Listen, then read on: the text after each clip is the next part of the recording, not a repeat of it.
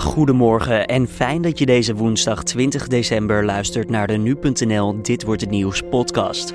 Mijn naam is Julian Dom en ik zal je in een klein kwartier bijpraten over het nieuws van nu, de zaken die verder deze dag te gebeuren staan en we hebben een mediaoverzicht voor je. Zometeen aandacht voor de motorclub Bandidos en de uitspraak over het afschot van damherten. Maar eerst het belangrijke nieuws van dit moment. Mexico heeft de vermeende ex-baas van een drugskartel uitgeleverd aan de Verenigde Staten. Het gaat om Mario Ramirez Trevino. Hij wordt gezien als voormalig leider van het golfkartel. De ex-drugsbaron zat al sinds augustus 2013 vast in de gevangenis in Mexico. Minister Cora van Nieuwenhuizen van Infrastructuur blijft bij de geplande opening van Lelystad Airport per 1 april 2019. Ze liet aan de Tweede Kamer weten dat deze datum vooralsnog haar streven blijft en dat zij zich hier 100% voor zal inzetten. Vliegveld Lelystad wordt uitgebreid om Schiphol te ontlasten. Zeker 12 toeristen zijn omgekomen bij een busongeluk in het zuidoosten van Mexico. 18 anderen raakten gewond. De bus vervoerde toeristen uit onder meer de Verenigde Staten, Italië, Zweden en Brazilië. De toedracht van het ongeval is nog niet bekend. Dan kijken we even naar de nieuwsagenda van deze 20 december. De rechtbank doet vandaag uitspraak of motorclub Bandidos verboden mag worden. We praten daarover met hoogleraar criminologie Arjan Blokland. Ja, volgens het OM heeft Bandidos niet alleen een uitgebreide geschiedenis van geweld, maar verheerlijkt de club dat ook. Nou, de vraag aan meneer Blokland. Zo'n verbod is moeilijk te krijgen, maar het zou niet helemaal onmogelijk zijn, toch? Nee, het is, uh, het is niet helemaal uh, onmogelijk. Uh, er lijkt een mogelijkheid te zijn geschapen door het arrest tegen de vereniging Martijn, die verboden is. maar eerdere pogingen om motorclubs te verbieden, en dan ging het om chapters of om zelfs de, de hele vereniging Hells Angels, mm -hmm. die zijn tot nu toe gestrand. Oké, okay, en, en waar komt dat dan door? Waardoor liep, liep dat vast? Die pogingen zijn gestrand omdat de rechter vond dat het OM te weinig aannemelijk had gemaakt dat de vereniging zelf een, uh, een, een, belangrijke rol speelde in het criminele gedrag van, uh, van de leden.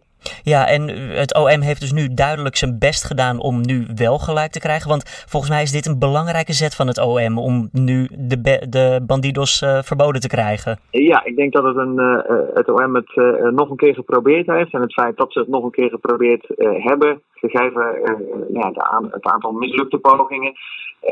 bij de Hells Angels denk ik dat ze nu toch weer denken steviger in de schoenen te staan. En het is zeker een, een symbolische uh, van, van grote symbolische betekenis uh, voor het OM als, als hier een positieve uitspraak wordt volgt. en ook met het oog op de, het, het beleid, zeg maar, tegen de motorclubs, wat vanaf 2012 gevoerd wordt, ja, is dit een beetje de kers op de taart, zou je kunnen zeggen. Ja, want wanneer kan je eigenlijk een club als criminele club zien? Waar moet je dan aan voldoen als club? Nou ja, het lastige is dat uh, het OM voor de rechter zal moeten aantonen dat niet alleen uh, veel leden een strafblad hebben. Uh, dat hebben ze al eerder aangegeven. En daarvan heeft de rechter gezegd, ja, maar het feit dat de leden van de vereniging een strafblad hebben, dat zegt nog niks over de werkzaamheid van de vereniging. Mm -hmm. Dus het OM zal echt moeten aantonen dat de vereniging een, sturende rol, een faciliterende rol heeft in die criminaliteit. bijvoorbeeld door aan te tonen dat de criminaliteit die gepleegd wordt, wordt aangestuurd door de leiding van die vereniging of dat er uit naam van de vereniging uh, wordt gehandeld. En dat is volgens mij juist ook een van de moeilijke probleemstukken, want de bandidos worden niet nationaal uh, aangestuurd, toch? Het lijkt meer losse chapters, om even de, het vakjargon te gebruiken, te zijn. Ja, ja, ja. Nou ja, het lastige is dat je inderdaad van moet aantonen dat er een soort hiërarchische verhouding is tussen eh, nou de nationale president, de losse chapters, de chapters onderling die eh, ook weer een hiërarchie kennen. Uh, formeel is die hiërarchie er binnen de motorclubs wel. In die zin er zijn verschillende rangen en standen. Maar het OM zal, uh, zal duidelijk moeten maken, of in ieder geval aannemelijk moeten maken, dat die rangen en standen ook, waar, ook zijn beslag hebben op de manier waarop het, het criminele gedrag georganiseerd wordt binnen die clubs.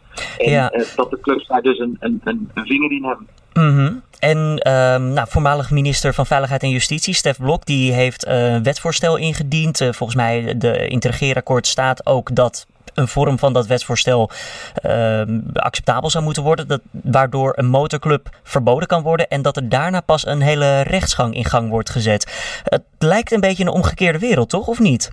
Ja, daar wordt de bewijslast uh, omgedraaid. Het voorstel uh, is een voorstel om het via de bestuursrechter te laten doen. Daar ligt de bewijslast wat anders uh, dan in het civielrecht en in het strafrecht.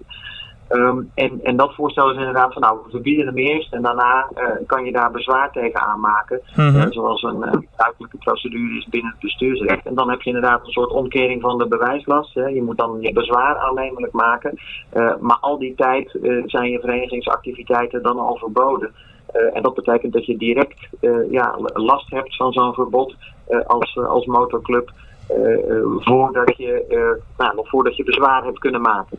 Ja, dus mocht het civiele, recht van, uh, civiele verbod vandaag niet lukken, dan houden ze dit nog achter de hand tegen de tijd dat dit wordt ingevoerd. Dan kunnen ze met een strafrechtelijk verbod komen. Ja, dan, nou ja, dus een bestuursrechtelijk verbod. Dan zou er inderdaad een, uh, een verbod via de bestuursrechter uh, gevraagd kunnen worden. Maar daarvoor is dan wel eerst een wetswijziging nodig. Meneer Blokland, even op de man af. Als ik u mag vragen, hoe groot is de kans dat er vandaag een verbod komt?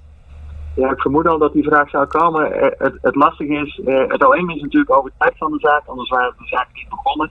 Ik denk dat er voor het OM ook veel op het spel staat. Dus wat dat betreft zou je zeggen, goh, die kans is, is, is vrij groot. dat het OM de stap heeft durven nemen. Dat wil zeggen dat ze iets in de achterzak hebben waarvoor ze denken dat ze een sterke zaak kunnen maken. Mm-hmm. Aan de andere kant hebben we gezien dat de rechter veel gelegen is aan de vrijheid van vereniging binnen onze democratische samenleving. Um, en dat elke uitspraak van de rechter, en dat is misschien belangrijk om te realiseren, het gaat nu over motorclubs, uh, maar het gaat natuurlijk in principe over alle verenigingen. Dus elke uitspraak die de rechter doet, daar, daar zal die rekenschap moeten geven van dat de uitspraak die hij doet in het vervolg niet alleen van toepassing is op motorclubs, maar ook op allerlei andere vormen van verenigingen. En daarom zien we ook dat in de, de, de eerdere uitspraken de rechters terughoudend zijn geweest om het, de vrijheid van vereniging te beperken. Je hoorde hoogleraar criminologie Arjan Blokland. De damherten in de waterleidingduinen nabij Zandvoort worden sinds ruim een jaar afgeschoten. Zodoende moet het aantal worden teruggebracht, want de dieren zouden volgens de provincies Noord- en Zuid-Holland ernstige schade toebrengen aan flora en fauna. Ook zouden ze aanrijdingen veroorzaken. Vandaag doet de rechter uitspraak over de vergunning voor het afschieten. Aan de telefoon hebben we het daarover met Dick Nachtegaal van de Dierenbescherming. Ja, dit is inmiddels al de zoveelste rechtszaak hierover, Dick. Waar staan we nu? Uh, dit is inmiddels een hoger beroep.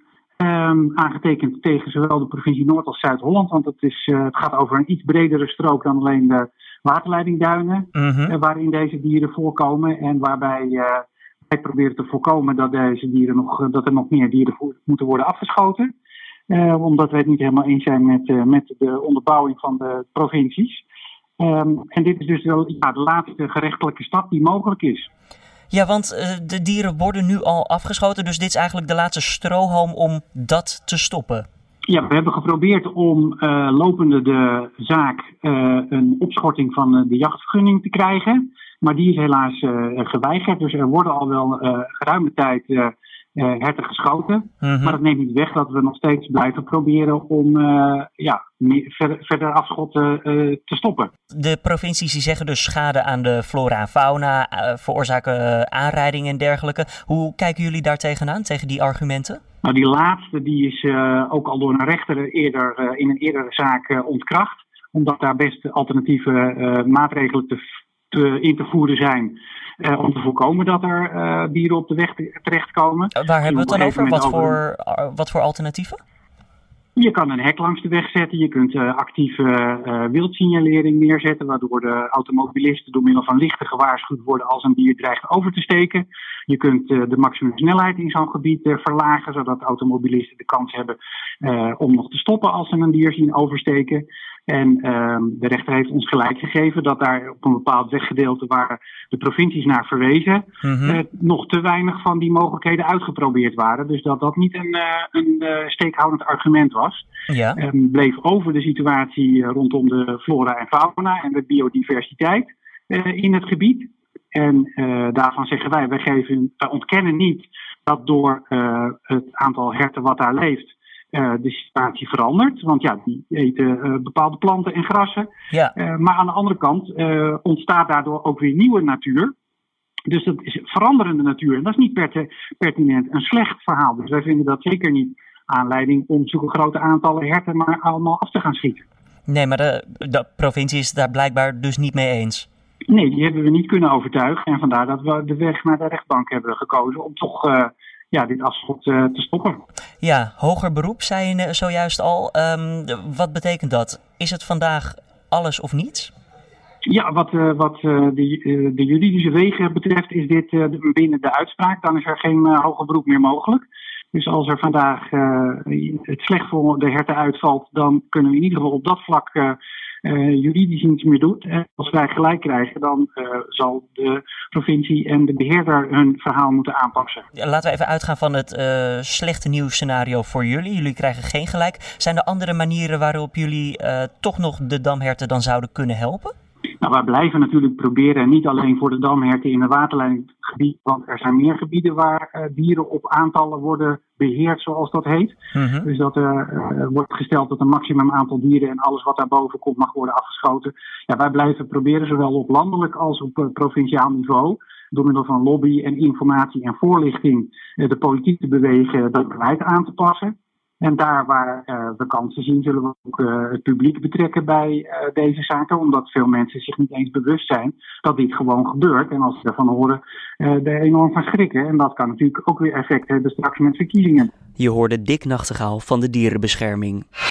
Het Centraal Planbureau publiceert vandaag de decemberraming met de economische vooruitzichten voor volgend jaar. Bij de laatste raming van het CPB, de macro-economische verkenning, dat was op Prinsjesdag, ging het bureau uit van een groei van het bruto binnenlands product met zo'n 2,5% volgend jaar. Ook zou de koopkracht gemiddeld met ruim een half procent toenemen en het aantal werklozen dalen naar zo'n 390.000. Dan voetbal, want de top van de eredivisie komt in actie tijdens de achtste finales van de KNVB-beker. Koploper PSV begint de avond met een thuiswedstrijd tegen VVV Venlo. AZ gaat op bezoek bij Fortuna Sittard dat bezig is met een sterk seizoen in de Jupiler League. En Ajax sluit de avond af met een thuiswedstrijd tegen FC Twente. Ruim twee weken geleden eindigde het competitieduel tussen beide teams nog in 3-3. Na afloop zijn alle samenvattingen uiteraard te zien op nu.nl. Dan kijken we even naar het mediaoverzicht voor deze woensdag. Mensenrechtenadvocaat Lisbeth Zegveld zegt dat Defensie het proces over het beëindigen van de treinkaping bij de Punt heeft beïnvloed. Ze doet daarom aangifte. Dat staat in de Volkskrant. Verschillende mariniers die gehoord werden tijdens het proces kregen bewijsmateriaal al voor de zitting te horen, waardoor ze zich konden instellen op de fragmenten. Zegveld vindt dit manipulatie. De advocaat van Defensie, Gert-Jan Knoops, noemt het geen manipulatie, maar goede voorbereiding. Het Dolfinarium in Harderwijk verkeert in grote financiële problemen. In 2015 boekte het park een verlies van 3,9 miljoen euro en in 2016 is het niet veel beter gegaan. Dat is te lezen in de Telegraaf. De directie van het Dolfinarium wijt de teruglopende inkomsten aan twee punten. 1. Activisten die ervoor hebben gezorgd dat sponsoren zich terugtrekken. En 2. De komst van het nieuwe dierenpark Wildlife Emmen. Dan het weer voor deze woensdag 20 december. Overdag verandert er weinig ten opzichte van dinsdag en ook blijft het dan bewolkt met soms wat regen. Smiddags ligt de temperatuur zo rond de 7 tot 9 graden. En voordat we stoppen nog even dit. Inwoners van Rome zijn boos over de kerstboom in de stad. Ze hebben de boom de bijnaam Spellatio gegeven, wat zoveel als kaal betekent. De boom heeft namelijk een groot deel van zijn naalden verloren. Wat overblijft is een treurig beeld van houten takken met glimmende kerstballen. Veel Romeinen zijn boos over de boom, die volgens hen dan ook gelijk staat aan het verval van de hele stad. Boze Romeinen vergelijken de boom tevens met een toiletborstel. Dit was dan de Dit wordt het nieuws podcast van deze woensdag 20 december. De Dit wordt het nieuws podcast is elke maandag tot en met vrijdag te vinden op nu.nl om 6 uur ochtends.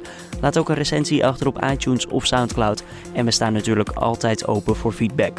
Stuur gewoon een mailtje naar redactieapenstaartje nu.nl. Voor nu, tot morgen.